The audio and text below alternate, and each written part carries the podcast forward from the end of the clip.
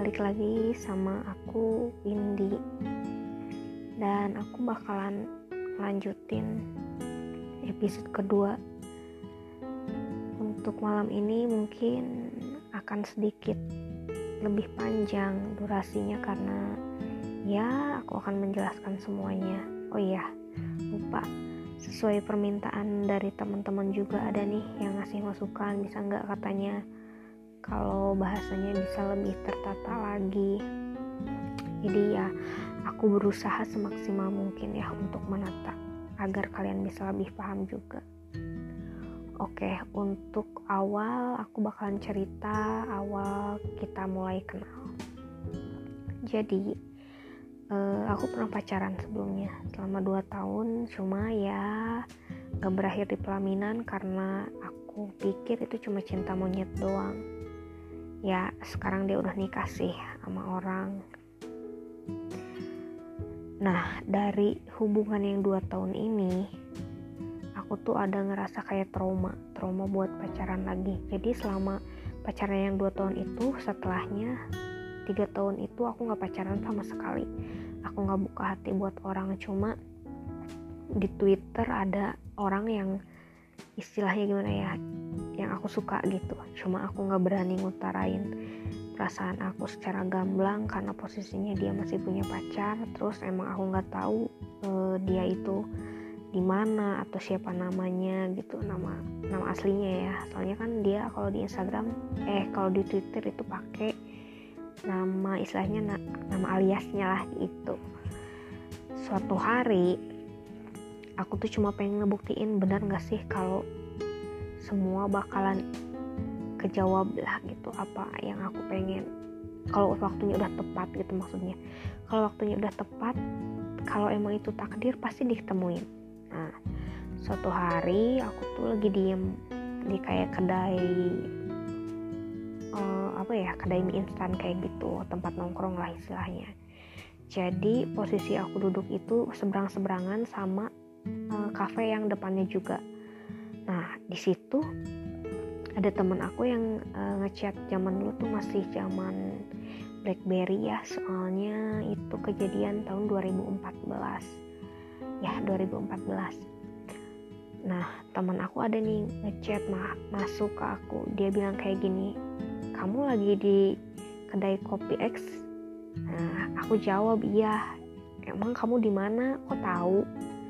Terus dia jawab aku depan kamu. Pas aku lihat ke depan karena itu posisinya aku lagi di luar aku lihat ke depan nah orang yang di sebelahnya itu orang yang aku suka gitu. Jadi istilahnya aku tuh cuma sebatas hanya pengagum rahasia doang gitu ya. Akhirnya aku iseng lah tanya teman aku itu e, itu yang di sebelah kamu namanya si A bukan sebut aja si Aldi ya misalnya. Eh jangan deh sebut aja si si Amsal misalnya. Enggak deh sebut aja Aldi juga. Seri ya kalau bingungin. Tadinya mau, di, mau pakai inisial cuma yaudahlah nggak apa-apa nama asli aja. Jadi sebut aja dia namanya Aldi. Nah uh, aku tuh nanya itu yang sebelah kamu si Aldi bukan? Terus temen aku balik nanya iya kenapa? Itu temen aku. Oh udah nggak apa-apa.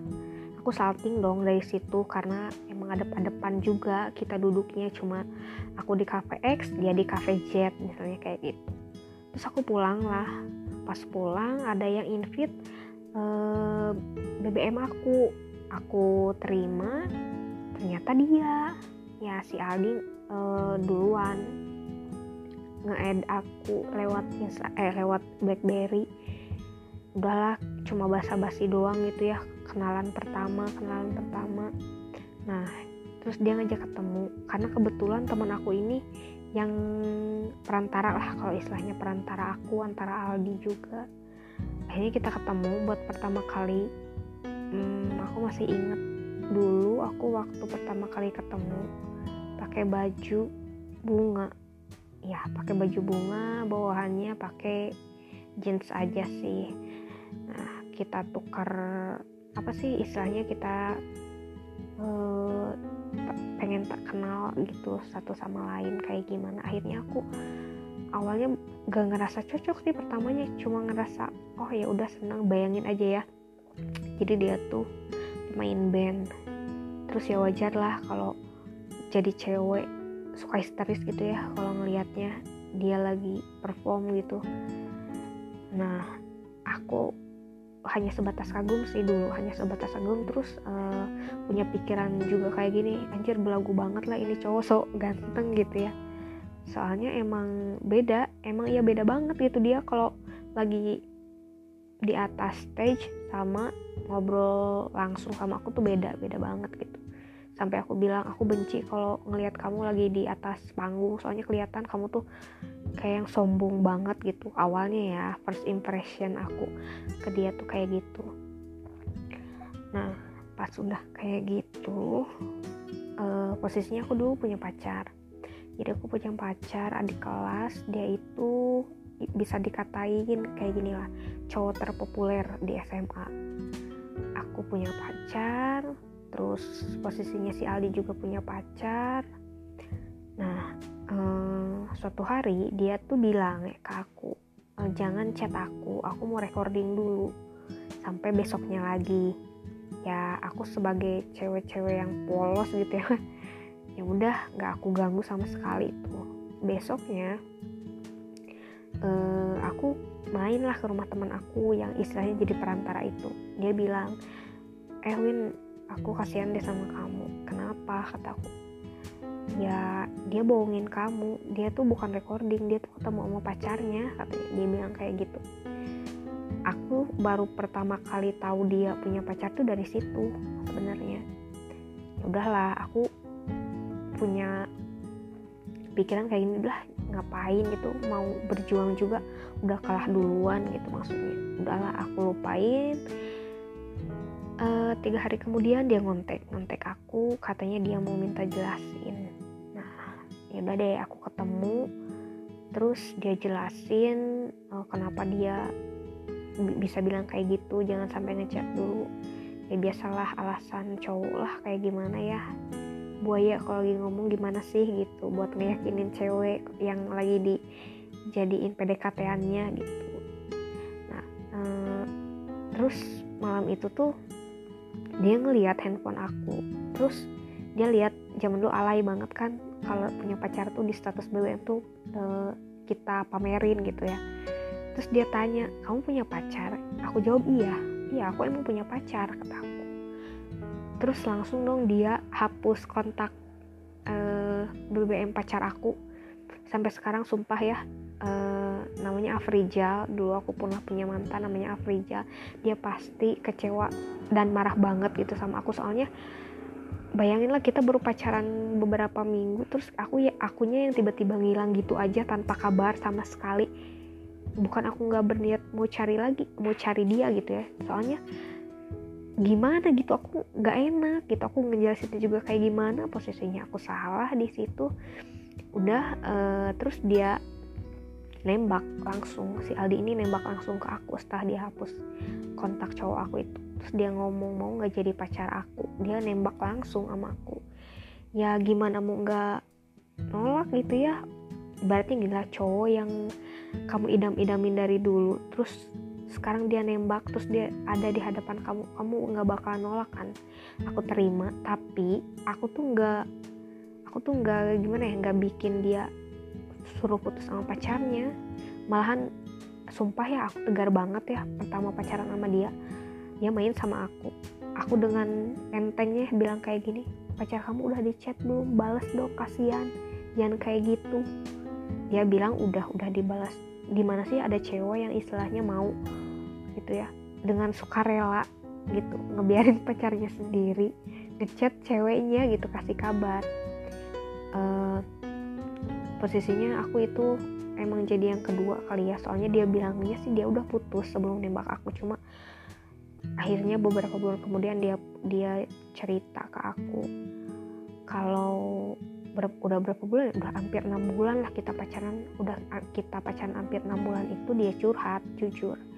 Katanya gini eh tahu nggak?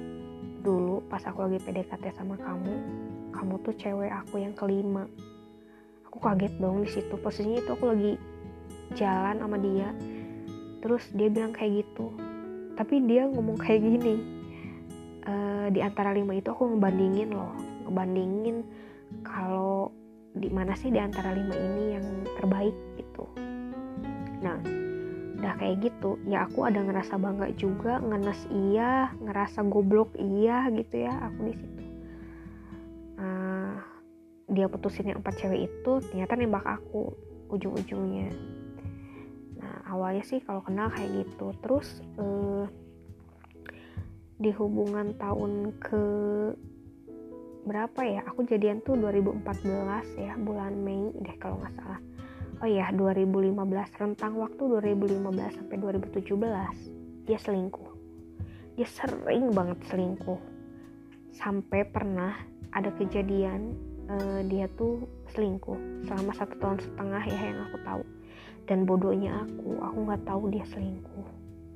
Jadi aku tahu dia selingkuh itu ada beberapa orang atau temen yang bilang ke aku kalau eh kok yang dibawa ke tempat tongkrongan sih bukan kamu? Kok cewek ini sih? Gitu. Ya aku nggak mikir yang enggak enggak soalnya emang setahu aku ya dia emang sama aku terus gitu. Ternyata setelah aku selidiki ya dia emang punya hubungan satu setengah tahun dengan cewek itu dan aku nggak tahu. Bisa kalian bayangin kan betapa bodohnya aku dulu? Nah pas udah kayak gitu aku minta jelasin. Emang sih selama hubungan 6 tahun ini emang gak berjalan mulus ya pasti ada aja masalahnya. Itu udah mutlak pasti ada dia sempet juga mutusin aku dan milih uh, cewek lain gitu ya daripada aku. Cuma uh, aku tuh sifatnya suka mempertahanin. Aku tuh suka pertahanin karena aku rasa ya kita belum bisa selesai aku rasa masih belum ada urusan yang bisa kita uh, selesaikan gitu kalau kita udah beneran putus. Tapi aku pernah selama satu bulan ya satu bulan putus sama dia dia balik lagi. Dia ngajak balikan lagi. Pokoknya setiap dia ninggalin tapi dia yang ngajak balikan lagi sama aku. Nggak tahu kenapa ya padahal aku nggak pernah ancam-ancam pacar-pacar dia gitu. Atau aku nggak pernah bilang eh aku kan pacarnya dia. Kok kamu mau sih sama pacar aku? Gitu. Nggak pernah. Cuma emang ada beberapa yang udah menurut aku kelewat batas gitu ya si ceweknya itu sampai istilahnya maki-maki aku lah gitu. Katanya salah aku lah katanya cowoknya nggak dijagain. Ya gimana mau dijagain mbak? Kalau cowoknya pengen kayak gitu ya aku bisa apa gitu? Cuma bisa sabar doang gitu nangis di pojokan pojokan kamar sambil gelap-gelapan. Nah dari rentang 2015-2017 itu emang sumpah kalau aku mesti jujur sih emang itu hubungan terberat aku ya masalah terberat aku tuh ada di umur ada eh ada di hubungan segitu. Nah eh, tentang waktu 2018-2019 aku merasa dia udah berubah. Mungkin seiring berjalannya waktu dia menuju dewasa juga dia udah ngerti mungkin ya mana yang tulus mana yang cuma pulus mungkin ya kayak gitu.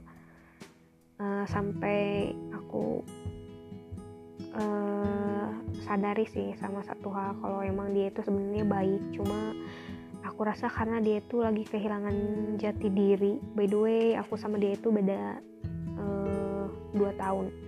Jadi aku lebih tua dari dia. Karena emang tipe-tipe aku itu sukanya sama yang istilahnya berondong lah gitu. Aku nggak suka sama yang seumuran nggak suka juga sama yang lebih tua dari aku. Karena gimana ya ya ada alasan tersendiri lah gitu. Cuma selama enam tahun ini di tahun-tahun ya di tahun-tahun setelah aku tahu dia selingkuh aku tuh kayak ada semacam trauma kayak kehilangan kepercayaan gitu sama dia.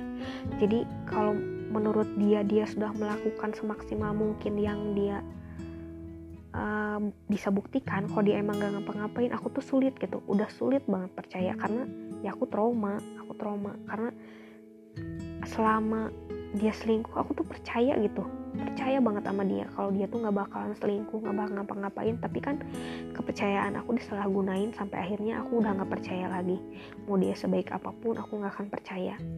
Cuma ternyata itu jadi bumerang buat aku. Di tahun 2018 sampai 19 itu dia emang benar-benar berubah. Cuma ya gimana ya aku udah nggak percaya jadi susah sih. Ya jadi dia mungkin ya mungkin mungkin dia ngerasa dia jahat kayak dulu masih aja nggak bisa dipercaya. Dia sekarang udah baik aku masih aja belum bisa percaya. Karena karena karena kenapa? Karena dia karena kayaknya kecewa deh. Kecewa karena di saat di mana dia pengen dipercayai aku nggak bisa percaya. Itu kesalahan aku sih yang aku rasa nah di episode yang ketiga aku bakalan bahas tentang waktu dari 2019 sampai 2020 di mana ini adalah puncak dari segala puncak masalah. Untuk closing aku cuma bakalan ngasih quotes kayak gini. Ada sesuatu yang tidak menyenangkan di antara kita di mana aku yang selalu berjuang aku yang berakhir dipaksa melepaskan saya Windy. Terima kasih banyak sudah mau mendengarkan kepada para pendengar-pendengar yang baru aja mampir ke podcast aku. Makasih banyak. Selamat malam. Semoga hari-hari kalian selalu dipenuhi dengan kebahagiaan.